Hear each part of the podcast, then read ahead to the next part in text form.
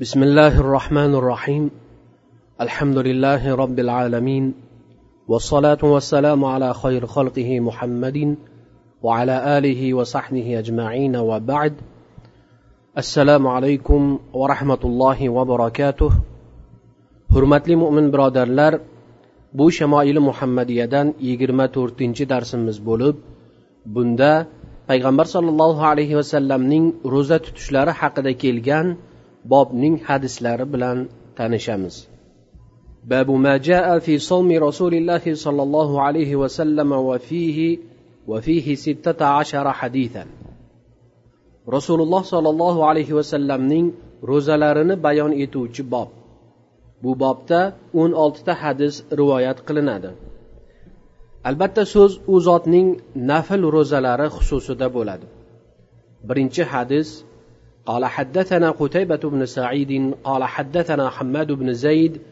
عن أيوب عن عبد الله بن شقيق قال سألت عائشة رضي الله تعالى عنها عن صيام رسول الله صلى الله عليه وسلم. قالت كان يصوم حتى نقول قد صام ويفطر حتى نقول قد أفطر. قالت وما صام رسول الله صلى الله عليه وسلم شهرا كاملا منذ قدم المدينة إلا رمضان عبد الله بن shaqiqdan rivoyat qilinadi aytadilarki oysha roziyallohu anhodan rasululloh sollallohu alayhi vasallamning ro'zalari ya'ni nafl ro'zalari haqida so'radim u zot aytdilarki rasululloh sollallohu alayhi vasallam ro'zani shunday ko'p tutardilarki hatto biz u kishi shu oyni komil ro'za bilan o'tkazsalar kerak deb o'ylar edik va ro'zani tutmay ham yurardilar. Hatto biz u zot shu oyda ro'za tutmasalar kerak deb o'ylar edik. Madinaga kelganlaridan beri ramazon oyidan boshqa biror oyni to'liq ro'za bilan o'tkazmaganlar. Mulla ali qori aytadilarki bu hadisda madinaga kelganlaridan beri deb qayd qilishlariga sabab shariat ahkomlari madinaga hijrat qilib kelingandan keyin nozil bo'la boshlagan.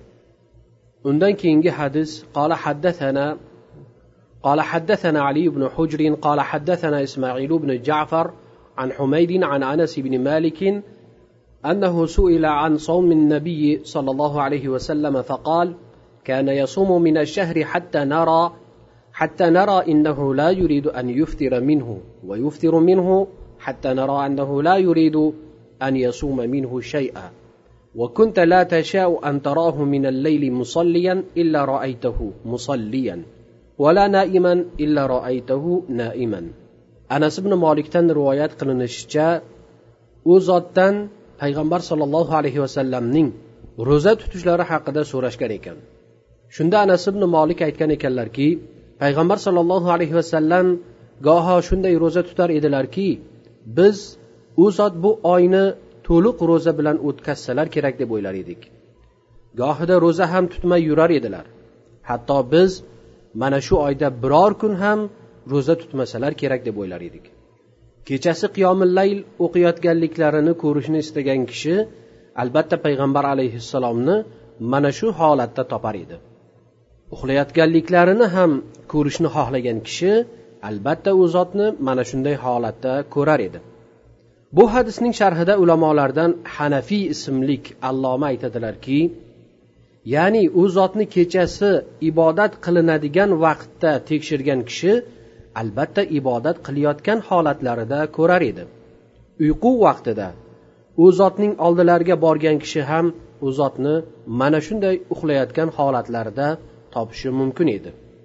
Bu narsa payg'ambar sollallohu alayhi vasallamni ibodatlarda g'uluv ketmay va qosirlik ham qilmay o'rtacha yo'l tutganliklariga yorqin dalildir.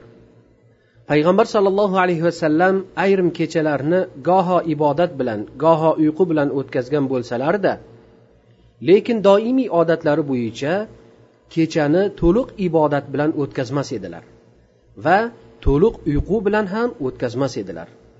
Balki kechadan bir qismni ibodat bilan o'tkazib yana bir qismni esa uyqu bilan o'tkazar edilar chunki payg'ambar sollallohu alayhi vasallam ummatlarining manfaatini o'ylab ularga mashaqqatli va og'ir yo'lni ravo ko'rmas edilar bundan keyingi hadisga o'tamiz qola haddathana mahmud ibn g'aylan qola haddathana abu davud قال حدثنا شعبة عن أبي بشر قال سمعت سعيد بن جبير عن ابن عباس قال كان النبي يصوم حتى نقول ما يريد أن يفطر منه ويفطر حتى نقول ما يريد أن يصوم منه وما صام شهرا كاملا منذ قدم المدينة إلا رمضان abdulloh ibn abbos roziyallohu anhudan rivoyat qilinadi aytadilarki payg'ambar sollallohu alayhi vasallam goho ro'za tutishga shunday kirishib ketardilarki hatto biz u zot bu oyning hammasini ro'za bilan o'tkazsalar kerak deb o'ylardik goho ro'za ham tutmay yurar edilar biz u zot bu oydan biror kun ham ro'za tutmasalar kerak deb o'ylar edik madinai munavvaraga kelganlaridan beri ramazon oyidan boshqa biror oyni komil ro'za bilan o'tkazmagan edilar قال حدثنا محمد بن بشار قال حدثنا عبد الرحمن بن مهدي عن سفيان عن منصور عن سالم بن ابي الجعد عن ابي سلمه عن ام سلمه قالت ما رأيت النبي يصوم شهرين متتابعين إلا شعبان ورمضان. قال أبو عيسى هذا إسناد صحيح وهكذا قال عن أبي سلمة عن أم سلمة. وروى هذا الحديث غير واحد عن أبي سلمة عن عائشة رضي الله تعالى عنها عن النبي صلى الله عليه وسلم. ويحتمل أن يكون أبو سلمة بن عبد الرحمن قد روى هذا الحديث عن عائشة وام سلمه جميعا عن النبي صلى الله عليه وسلم ummu salama roziyallohu anhodan rivoyat qilinadi aytadilarki payg'ambar sollallohu alayhi vasallamni ikki oy paydarpay ro'za tutganliklarini ko'rmaganman magar shabon va ramazon oyinigina ana shunday tutgan edilar abu iso termiziy aytadilarki bu isnodi sahih hadisdir xuddi shunday abu salamadan u ummu salamadan deb rivoyat qilgan. Yana bu hadisni ko'pchilik abu salamadan u ummu salamadan deb rivoyat qilganlar. Abu salama ibn abdurahmon oyisha va ummu salama roziyallohu anhulardan ular esa payg'ambar sollallohu alayhi vasallamdan rivoyat qilgan bo'lishliklari ham mumkin. Mulla ali qori aytadilarki muhtaram o'quvchi siz payg'ambar sollallohu alayhi vasallamni shabon oyini ham ramazon oyiga o'xshab to'liq ro'za bilan o'tkazgan ekanlarku bu hadis shu narsaga dalolat qilmaydimi? Va bu hadisning mazmuni avvalgi hadislarning mazmuniga zid bo'lib qolmadimi deyishingiz mumkin? Savol o'rinli. Bunga javobim bundan maqsad shabonning ko'pini tutishlaridir. Ya'ni hammasini emas balki ko'pini tutishlaridir. Chunki imom muslimning rivoyatlarida shunday keladi. Payg'ambar sollallohu alayhi vasallam shabon oyini hammasini ro'za bilan o'tkazar edilar. U oyni ro'za bilan o'tkazib faqatgina ozginasini qoldirar edilar. Imom navoiy bu hadisdagi ikki jumlaga sharh qilib avvalgi so'zga ikkinchisi bayon va tafsir qilguvchi bo'ladi deganlar. Yana bundan tashqari hammasini degan so'zlaridan maqsad ko'prog'idir. imom termiziy ibn muborakdan naql qilishlaricha arab tilida agar oyning ko'pini tutsa hammasini tutdi deyish mumkin degan ekanlar imom termiziy aytadilarki ibn muborak bu gaplari bilan ikki hadisning o'rtasini jam qilgan bo'ldilar va o'rtadagi ziddiyatlik ham ketdi قال حدثنا هناد قال حدثنا عبدة عن محمد بن عمرو قال حدثنا أبو سلمة عن عائشة قالت لم أرى رسول الله صلى الله عليه وسلم يصوم في شهر أكثر من صيامه لله في شعبان كان يصوم شعبان إلا قليلا بل كان يصومه كله oysha onamizdan rivoyat qilinadi aytadilarki men payg'ambar sollallohu alayhi vasallamni biror oyda shabon oyidan ko'ra ko'proq ro'za tutganliklarini ko'rmadim u zot shabon oyini ko'pini ro'za bilan o'tkazar edilar. Balki bu oyning hammasini ro'za bilan o'tkazar edilar desak ham bo'laveradi. Ba'zi ulamolar aytadilarki payg'ambar sollallohu alayhi vasallamning shabon oyida ro'zani ko'p tutishlaridan bo'lgan hikmatlardan biri shu oydan keyin keladigan muborak ramazon oyining ro'zasini tutishga chiniqib turishdir. Biroq payg'ambar sollallohu alayhi vasallam alloh taologa doimiy qulchilikda uning amri nahiylariga har vaqt tayyor zot edilar. Dastlab zikr qilib o'tganimizdek payg'ambar sollallohu alayhi vasallam kechalari oyoqlari shishib ketgunga qadar namoz o'qib alloh taologa ko'p shukurlar qiladigan nafl ro'zalarni benihoyat ko'p tutadigan zot edilar. Shabon oyida ramazon oyining ro'zasini tutish uchun tayyorgarlik ko'rishlariga ne hojat? Lekin u zot ummatlariga ibodatning ma'no va mazmunlarini amaliy ravishda ko'rsatib berib ularni mana bunday ulkan ibodatlarga kirishlaridan avval shu ibodatlar uchun tayyorlab borar edilar toinki ummatlari u zotdan o'rnak olib bu ibodatlarni go'zal holatlarda ado etsinlar قال حدثنا القاسم بن دينار الكوفي قال حدثنا عبيد الله بن موسى وطلق بن غنام عن شيبان عن عاصم عن زر بن حبيش عن عبد الله قال كان رسول الله صلى الله عليه وسلم يصوم من غرة كل شهر ثلاثة أيام وقلما كان يفطر يوم الجمعة عبد الله رضي الله عنه aytadilarki ya'ni abdulloh ibn masud roziyallohu anhudan rivoyat qilinadi aytadilarki rasululloh sollallohu alayhi vasallam har oyning avvalidan uch kun ro'za tutar edilar va kamdan kam holatlarda juma kuni ro'za tutmas edilar. Mulla ali qori aytadilarki shu hadisdan kelib chiqib imomi abu hanifa va imomi molik rahimaullohlar juma kunini yolg'iz undan keyingi yoki avvalgi kunga qo'shmasdan ro'zasini tutish yaxshi amallardandir deydilar. Imomi molik esa muvattolarida men ahli ilmlarning peshvolaridan biron kishini bu kunda ro'za tutishdan qaytarganliklarini eshitmadim ya'ni juma kunida bu kunda ro'za tutish yaxshi amaldir aksincha ba'zi ulamolarni mana shu kunda ro'za tutganliklarini ko'rganman nazarimda bu ulamolar mana shu kuni qasddan ro'za tutishar edilar قال حدثنا محمود بن غيلان قال حدثنا أبو داود قال أنبأنا شعبة عن يزيد الرشكي قال سمعت معاذة قالت قلت لعائشة أكان النبي يصوم ثلاثة أيام من كل شهر؟ قالت نعم. قلت من أيه كان يصوم؟ قالت كان لا يبالي من أي صام. قال أبو عيسى يزيد الرشك هو يزيد الضبعي البصري وهو ثقة.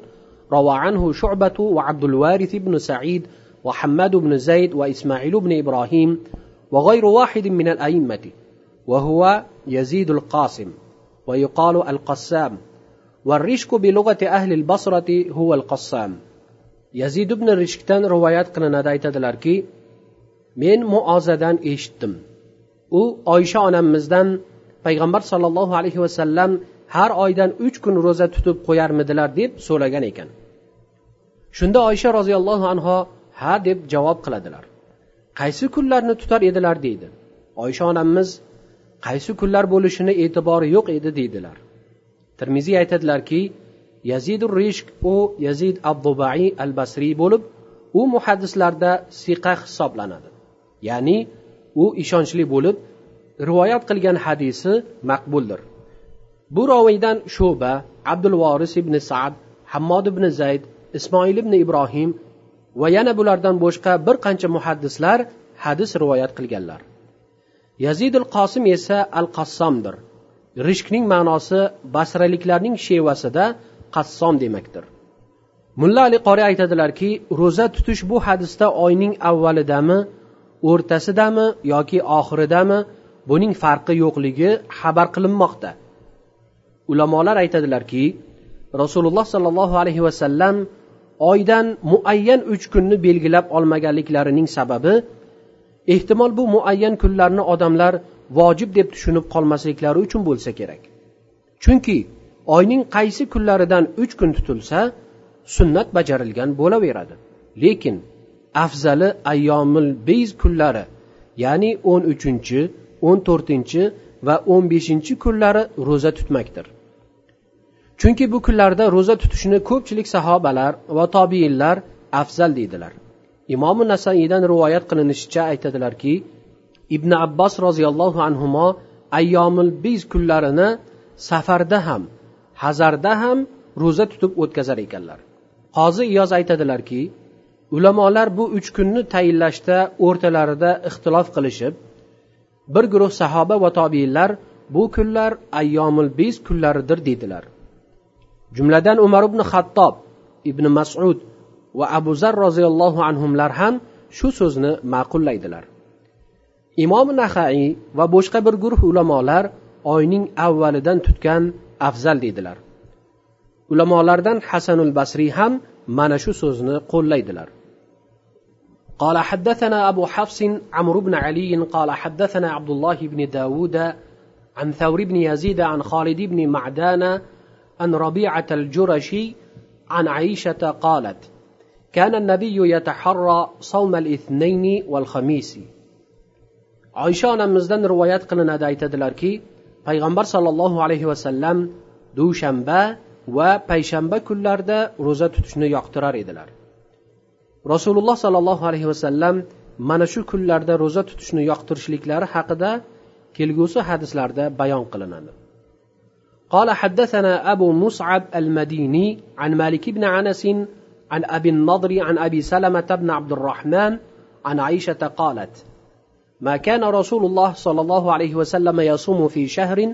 أكثر من صيامه في شعبان oysha onamiz roziyallohu anhodan rivoyat qilinadi aytadilarki rasululloh sollallohu alayhi vasallam shabon oyida ro'za tutganlaridek boshqa biror oyda mana shunchalik ko'p ro'za tutmas edilar قال حدثنا محمد بن يحيى قال حدثنا أبو عاصم عن محمد بن رفاعة عن سهيل بن أبي صالح عن أبيه عن أبي هريرة أن النبي صلى الله عليه وسلم قال تعرض الأعمال يوم الاثنين والخميس فأحب أن يعرض عملي وأنا صائم abu hurayra roziyallohu anhudan rivoyat qilinadi aytadilarki payg'ambar sollallohu alayhi vasallam aytdilar amallar dushanba va payshanba kunlari ro'para ya'ni alloh taologa ro'para qilinadi shuning uchun men amalim ro'para qilingan vaqt ro'zada bo'lmoqlikni xohlayman قال حدثنا محمود بن غيلان قال حدثنا أبو أحمد ومعاوية بن هشام قال حدثنا سفيان عن منصور عن خيثمة عن عائشة قالت كان رسول الله صلى الله عليه وسلم يصوم من الشهر السبت والأحد والاثنين ومن الشهر الآخر الثلاثاء والأربعاء والخميس oysha roziyallohu anhodan rivoyat qilinadi aytadilarki rasululloh sollallohu alayhi vasallam ba'zi oylarning shanba yakshanba va dushanba kunlarida ro'za tutar edilar gohida ba'zi oylarning seshanba chorshanba va payshanba kunlarida ham ro'za tutgan edilar undan keyingi hadis qola haddathana harun ibn ishoq al hamadaniy قال أنبأنا عبدة بن سليمان عن هشام بن عروة عن أبيه عن عائشة قالت كان عاشوراء يوما تصومه قريش في الجاهلية وكان رسول الله صلى الله عليه وسلم يصومه فلما قدم المدينة صامه وأمر بصيامه فلما افترض رمضان كان رمضان هو الفريضة وترك عاشوراء فمن شاء صامه ومن شاء تركه oysha roziyallohu anhodan rivoyat qilinadi aytadilarki oshuro kuni quraysh odati bo'yicha ro'za tutadigan kun bo'lgan edi rasululloh sollallohu alayhi vasallam ham u kunda ro'za tutar edilar madinai munavvaraga hijrat qilib kelganlaridan keyin ham mana shu kunning ro'zasini tutib va boshqalarga ham ro'za tutishga buyurdilar ramazon oyi farz bo'lgach esa ramazon oyida ro'za tutish farz bo'lib oshuro esa tark qilindi lekin kimda kim xohlasa oshuro kunida ham ro'za tutar edi xohlasa tutmas edi قال حدثنا محمد بن بشار قال حدثنا عبد الرحمن بن مهدي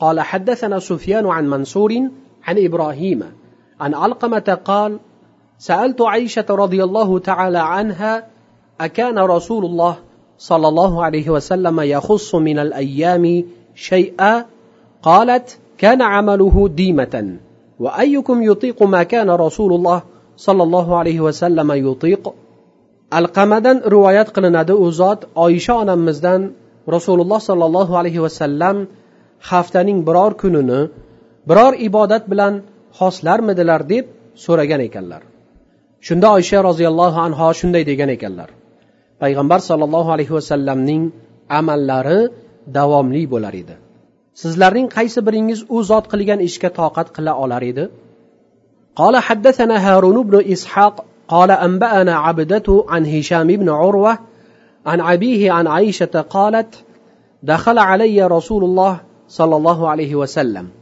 وعندي امرأة فقال من هذه قلت فلانة لا تنام الليل فقال رسول الله صلى الله عليه وسلم عليكم من الأعمال ما تطيقون فوالله لا يمل الله حتى تملوا وكان أحب ذلك إلى رسول الله صلى الله عليه وسلم الذي يدوم عليه صاحبه oysha roziyallohu anhodan rivoyat qilinadi aytadilarki bir kuni meni huzurimga rasululloh sollallohu alayhi vasallam kirib keldilar oldimda bir ayol bor edi u zot bu kim dedilar.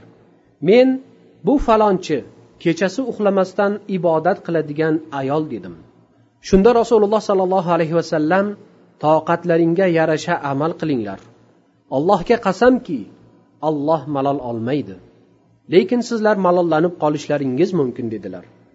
Keyin oysha onamiz aytdilarki rasululloh sollallohu alayhi vasallamga amallarning eng suyukligi kishi doimiy qiladigan amal edi. Ulamolar aytadilarki malollanish salbiy sifatlardan bo'lib u sifatni alloh taologa nisbatini berish joiz emas. Lekin bu hadisdagi malol majoziy bo'lib ma'nosi shuki agar kimda kim o'zini mashaqqatga solib og'ir amallar qilib keyin bu amallardan to'xtab qolsa alloh taolo unga ajr berishdan to'xtaydi. Lekin davomiy qilib kelsa alloh taolo unga ajr mukofotini uzluksiz berib turadi قال حدثنا أبو هشام محمد بن يزيد الرفاعي قال حدثنا ابن فضيل عن الأعمش عن أبي صالح قال سألت عائشة وأم سلمة أي العمل كان أحب إلى رسول الله صلى الله عليه وسلم قالتا ما ديم عليه وإن قل abu solihdan rivoyat qilinadi u zot aytadilarki oyisha onamiz va ummu salama roziyallohu anholardan rasululloh sollallohu alayhi vasallamga amallarning eng suyuklisi qaysi edi? deb so'radim. Shunda ular davomiy qilingan amaldir garchi u amal oz bo'lsa ham dedilar. Albatta har qanday amallarning davomiy bo'lishi nihoyatda mushkul ishdir. Ammo kimda kim davomiy qilishga odatlanib borsa nihoyatda katta yutuqlarga ega bo'ladi. قال حدثنا محمد بن اسماعيل قال حدثنا عبد الله بن صالح قال حدثني معاويه بن صالح عن عمرو بن قيس أنه سمع عاصم بن حميد قال سمعت عوف بن مالك يقول كنت مع رسول الله صلى الله عليه وسلم ليلة فاستاك ثم توضأ ثم قام يصلي فقمت معه فبدأ فاستفتح البقرة فلا يمر بآية رحمة إلا وقف فسأل. ولا يمر بآية عذاب إلا وقف فتعوذ. ثم ركع فمكث راكعا بقدر قيامه. ويقول في ركوعه سبحان ذي الجبروت والملكوت والكبرياء والعظمة. ثم سجد بقدر ركوعه. ويقول في سجوده سبحان ذي الجبروت والملكوت والكبرياء والعظمة. ثم قرأ آل عمران ثم سورة سورة يفعل مثل ذلك avf ibn molikdan rivoyat qilinishicha aytadilarki bir kecha rasululloh sollallohu alayhi vasallam bilan birga bo'ldim u zot misvok ishlatdilar so'ng tahorat olib namoz o'qiy boshladilar men ham oldilariga kelib namozga qo'shildim payg'ambar sollallohu alayhi vasallam avvalo baqara surasini o'qidilar Qiroatlarida rahmat oyatiga kelsalar albatta to'xtab allohdan uning rahmatini tilar edilar. Azob oyatlariga kelganlarida ham to'xtab ollohdan panoh so'rar edilar. Keyin ruku qildilar. Rukuda qiyomda turganchalik vaqt turib rukuda subhanazil jabarut val malakut val kibriyai val azama dedilar. So'ng sajdaga bordilar. Sajdada ham ruku miqdoricha turdilar. Va subhanadil jabarut val malakut val kibriyay val adama dedilar. Keyingi rakatda esa oli imron surasini o'qidilar. Undan keyingi rakatlarda ham bittadan sura o'qib avvalgi tarzdagidek namoz o'qidilar.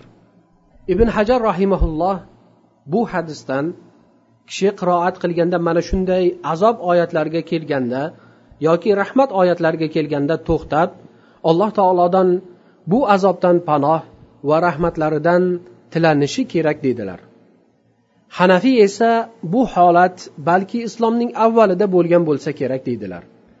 Chunki namozning o'ziga xos shart shurutlari va odoblari bor. U shartlarni buzib qo'yib namozga putur yetkazmaslik kerak. Vallohu alam.